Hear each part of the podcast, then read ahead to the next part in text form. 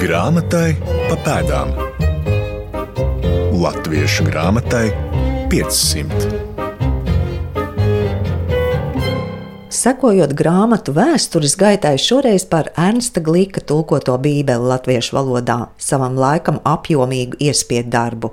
17. gadsimta otrā puse ir laiks, kurā ritēja Glīka mūžs un kurā arī tulkota bībeli latviešu valodā.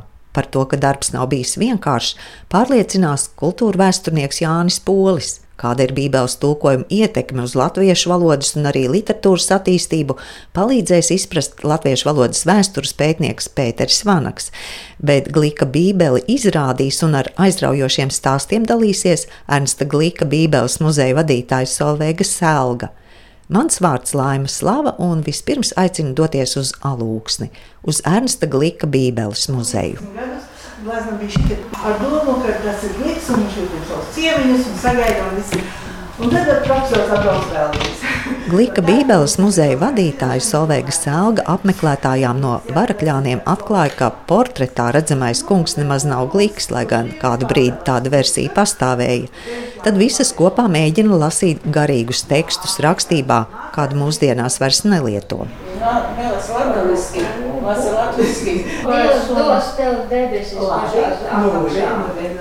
bet pirmais vārds būs apžēlojies izrauj tos nabagus no ļauna. Muzejā aiz stikla vitrīnas divas pirmās bībeles latviešu valodā. Arī liels plakāts ar glika svarīgākajiem dzīves posmiem - Ernsta Glika ceļi no Vetīnas līdz Maskavai.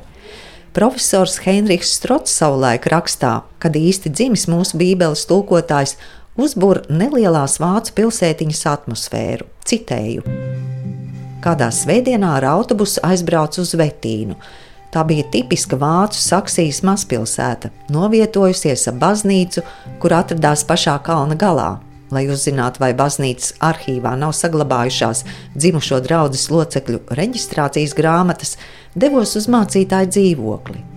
Profesors arī noskaidro, ka 20. maijā diakonam Kristiānam Glikam nokristīts septītais dēliņš, dzimis 18. maijā pulksten 9. Ernsts. Ar glika ceļiem Latvijas teritorijā mani iepazīstina muzeja vadītāja Solveiga Sēlga. Es nezinu, cik plaši tas tautā ir aizgājis, bet tad, kad cilvēki atbrauc šurp, tad eh, es parasti sāku ar to, ka ar Daugaugrīvu, kā reku mums te arī ir tas cietoksnis, un mēs arī tur bijām aizbraukuši, un um, mums viena meitene rakstīja arī kultūras koledžā kursa darbu par to.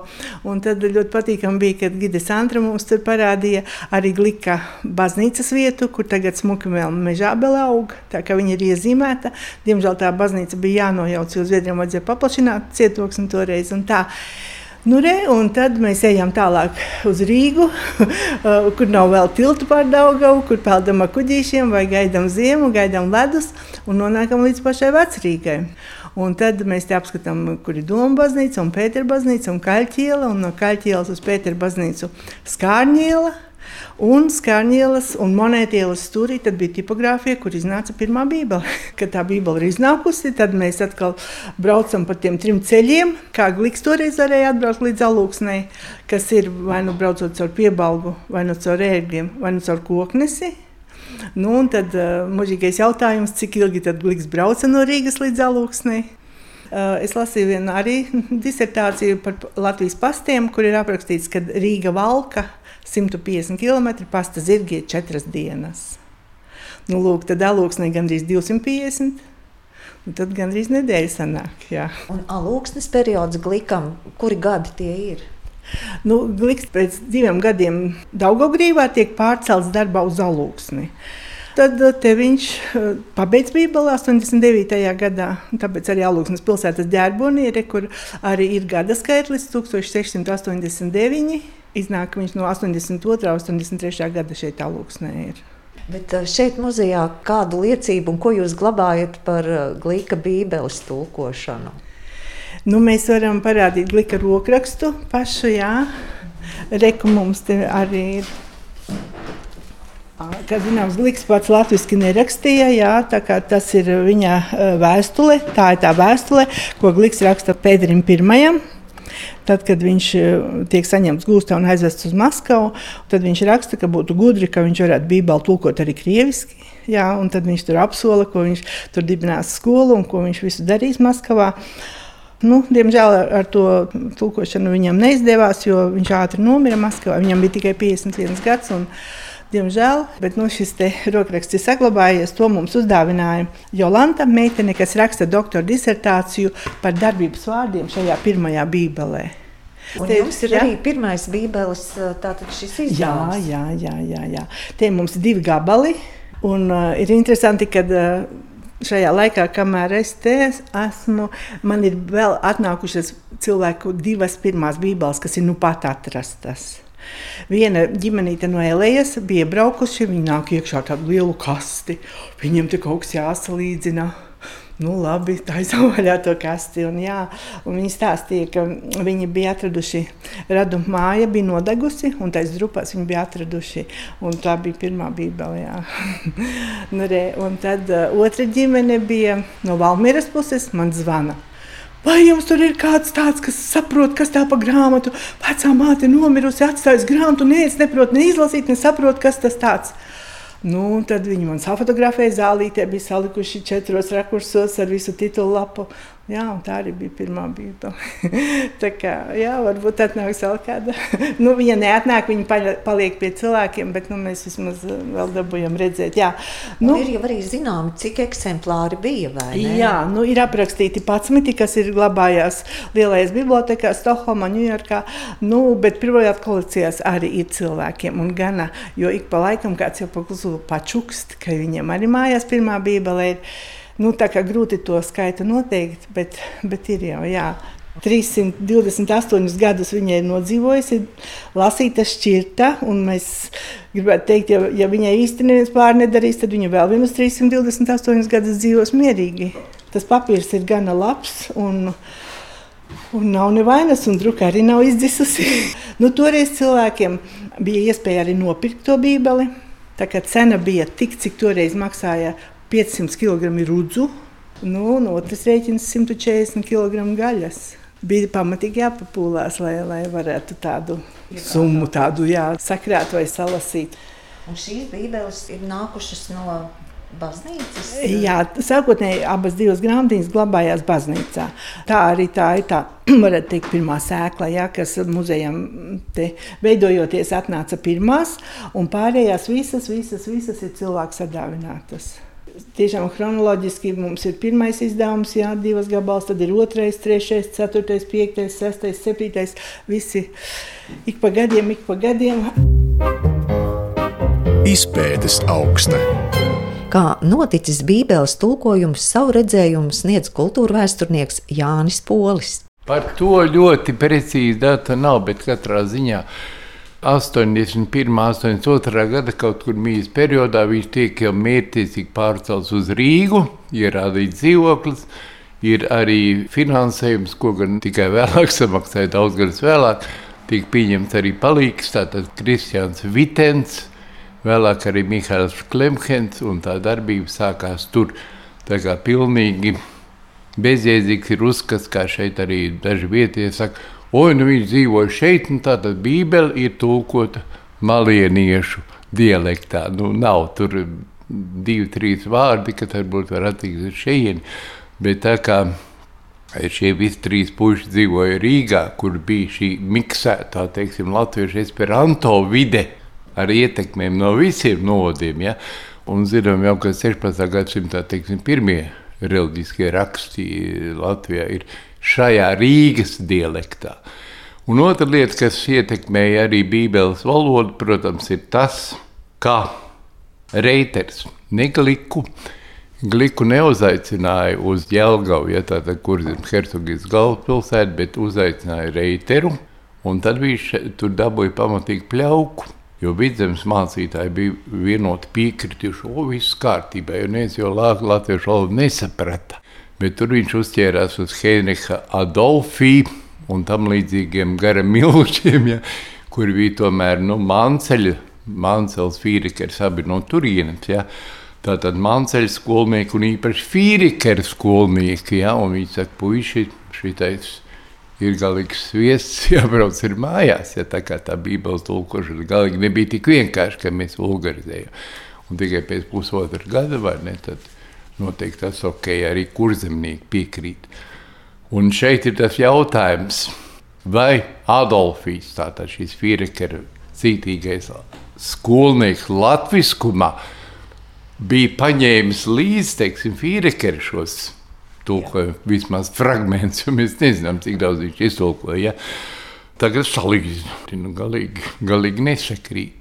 Vai viņš uzreiz iedeva jau superintendantam atvest glikam vai kā nu tas bija. Tas galīgi nebija tik vienkārši, kā saka, vai ne? Gāja ļoti grūti uz mani, jo visi trīs puiši bija ar problēmām latviešu valodas zināšanā. Un starp citu, Klemhena kungs, kurš skaities korektors visam šim pasākumam, tika izlidināts no kādām piecām vidzemes latviešu draugiem par nesaprašanu. Vēl vēlāk, ja tā kā tas bija ļoti smags darbs visu cieņu, ka, ka viņi ar to tomēr tika galā. Bībeles tulkošanai aizritēja astoņi gadi. Bet ko par glika Bībeles tulkojumu saka valodnieki? Uz sarunu aicina Latvijas Universitātes un Stokholmas Universitātes profesoru Latviešu valodas vēstures pētnieku Pēteri Vanagu. Protams, ir visu laiku bijusi šī diskusija vai jautājums, vai Ernsts Gliks viens pats pārtulkoja Bībeli, kā viņš pats to ir eh, norādījis savos atstātajos papīros, vai tomēr viņam ir bijuši kādi palīgi tieši pie tulkošanas. Neapšaubām mēs zinām, ka ir viņam bijuši palīgi, kas ir pārrakstījuši, bet eh, nu, tomēr vairumā mēs liecamies domāt, ka uh, tas ir viņa paša darbs. Tomēr uh, gan agrāk, teiksim, 20. gadsimta pirmā pusē, tika izteiktas domas, kas tagad ir arī tā pilnīgi zinātniski apstiprināts, ka viņš ir izmantojis arī un zinājis iepriekšējos tulkojumus, un it sevišķi ar Kristofa Fīrekera atstātajiem rokrakstiem, kurus viņš neapšaubām ir izmantojis un daļēji, cik nu tas ir bijis iespējams, ir arī iestrādājis savā tulkotajā materiālā. Mums droši vien jāuzsver tas, ka viņš tulkoja no oriģināla valodas, bet nevis no vācu valodas. Jā, jā, tas bija tajā brīdī arī tāda diskusija faktiski, no kādas valodas Bībele būtu jātolko. Jo tajā brīdī, tātad 17. gadsimta beigās, ar Zviedrijas karaļa šo atbalstu, tika tulkots šeit Zviedru. Vidzemē, Zviedru, Baltijā vairākas bībeles. Tā bija ne tikai latviešu, tā bija gan dienvidigauņu, gan ziemeļigauņu un domas dalījās, no kādām valodām, no kādas valodas būtu jātulko. Un šeit, Glika gadījumā, tas lēmums bija skaidrs un nekādas tālākas jautājumas nebija tik tulkots no oriģināla valodām, tātad no senebreju un grieķu uh, valodas. Pēteris Vanaks apliecina, ka Glika bībele pētniekiem ir liels un nozīmīgs avots. Vienlaikus jāsacina, nav plaša monogrāfiska pētījuma tieši valodas ziņā, ir atsevišķi raksti, izstrādātas disertācijas. Pētniekus interesē viss, kā gliks tulkojas, kā izmantojis iepriekšējos avotus, kāda gramatika, kāda ortogrāfija izmantota, kādu leksiku gliks ieviesis latviešu rakstu valodā, gan tautas valodas vārdus, gan jaundarinājumus. Mēs nevaram īsti pateikt, kuri um, ir viņa tādi paša darināti vārdi, un kurus viņš ir paņēmis no, no runātās valodas, ja ko viņš ir dzirdējis. Un tāds viens ļoti nu, nozīmīgs vārds, kas arī tiešām varētu būt viņa paša, tas ir liekulis. Ja, kas līdz tam netika lietots. Ja. Viņš šo vārdu ir arī paskaidrojis. Ja, ir tāds vienā eksemplārā zināms pēcvārds jaunajai derībai, kas atrodas Vācijā, Wolfenbitels bibliotekā, nu, samērā nesen atklāts. Tur viņš divās lapusītēs sniedz ieskatu gan par šo tulkošanu, jo tur viņš piemin tieši šo vārdu liekuli, kā ar to ir tulkots šis grieķu vārds attiecīgais. Ja līdz tam mums parādās tur blēdnieks un valšķis, bet viņš skaidro šo liekuli, kas ir līdzīgi kā melkulis no uh, liekas, izliekas um, atvasināts. Ja? Un tā kā tas nekur citur nav pirms tam zināms, tad uh, varētu domāt, ka tas ir glika paša darinājums. Ortogrāfija glika Bībelē ir jautājums, kam Pēteris Vanaks pats pievērsies īpaši. Arī citu valodnieku pētījumi turpinās. Jā, pašlaik nu pat arī lietuviešu kolēģi Ernesta Kazakēnaita nu, pirms pāris gadiem aizstāvēja savu doktora disertāciju, kurā pētīja tieši šo glika mm, Bībeles um, saistību ar iepriekšējiem tulkojumiem, kurā viņi pilnīgi skaidri pierādīja, ka mm, Kristofa Fīrekera evaņģēlīju, perikopiju, ja, šo evaņģēlīju lasījumu fragmenti ir iestrādāti glika Bībeles tulkojumā. Tad, tad tas ir neapšaubāms šodien. Tā vairs nav hipotēze, bet tas ir pilnīgi pierādīts fakts. Cita uh, doktoranta Jolanta Višņoha, poļu izcelsmes valodniece, viņa strādā pie tēmas par darbības vārdu formām lika Bībelē. Un arī tur ir dažādas interesantas lietas, kas nav līdz šim pamanītas, ja, kas tad, tad rāda šo nopietno attieksmi un rāda to, ka Gliks ir centies izprast valodu. Rakstībā atspoguļot dažādas valodas gramatiskās iezīmes. Ne tikai tulkot tekstu, bet faktiski vienlaikus arī izprast latviešu valodu. Un tad ir, protams, jāsaprot, ka um, Ernsts Gliks, atšķirībā no Kristofa Fīrekera, atšķirībā no Georga Manceļa, atšķirībā no arī Jāņa Reitera, mm, nebija vietējais. Tad, tad viņš neuzauga latviešu valodu. Viņš kā pieaudzis jauns cilvēks gan uh, atbrauca uz tejienu un apguva valodu.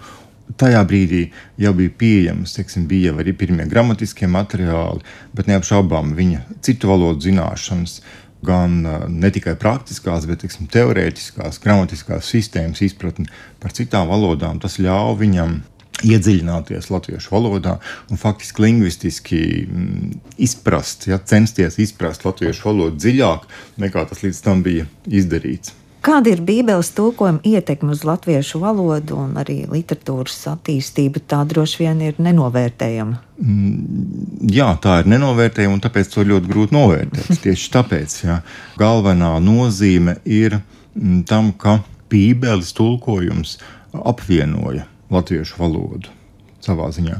Apvienoja vidzemes un kurzemes eh, latviešu valodu.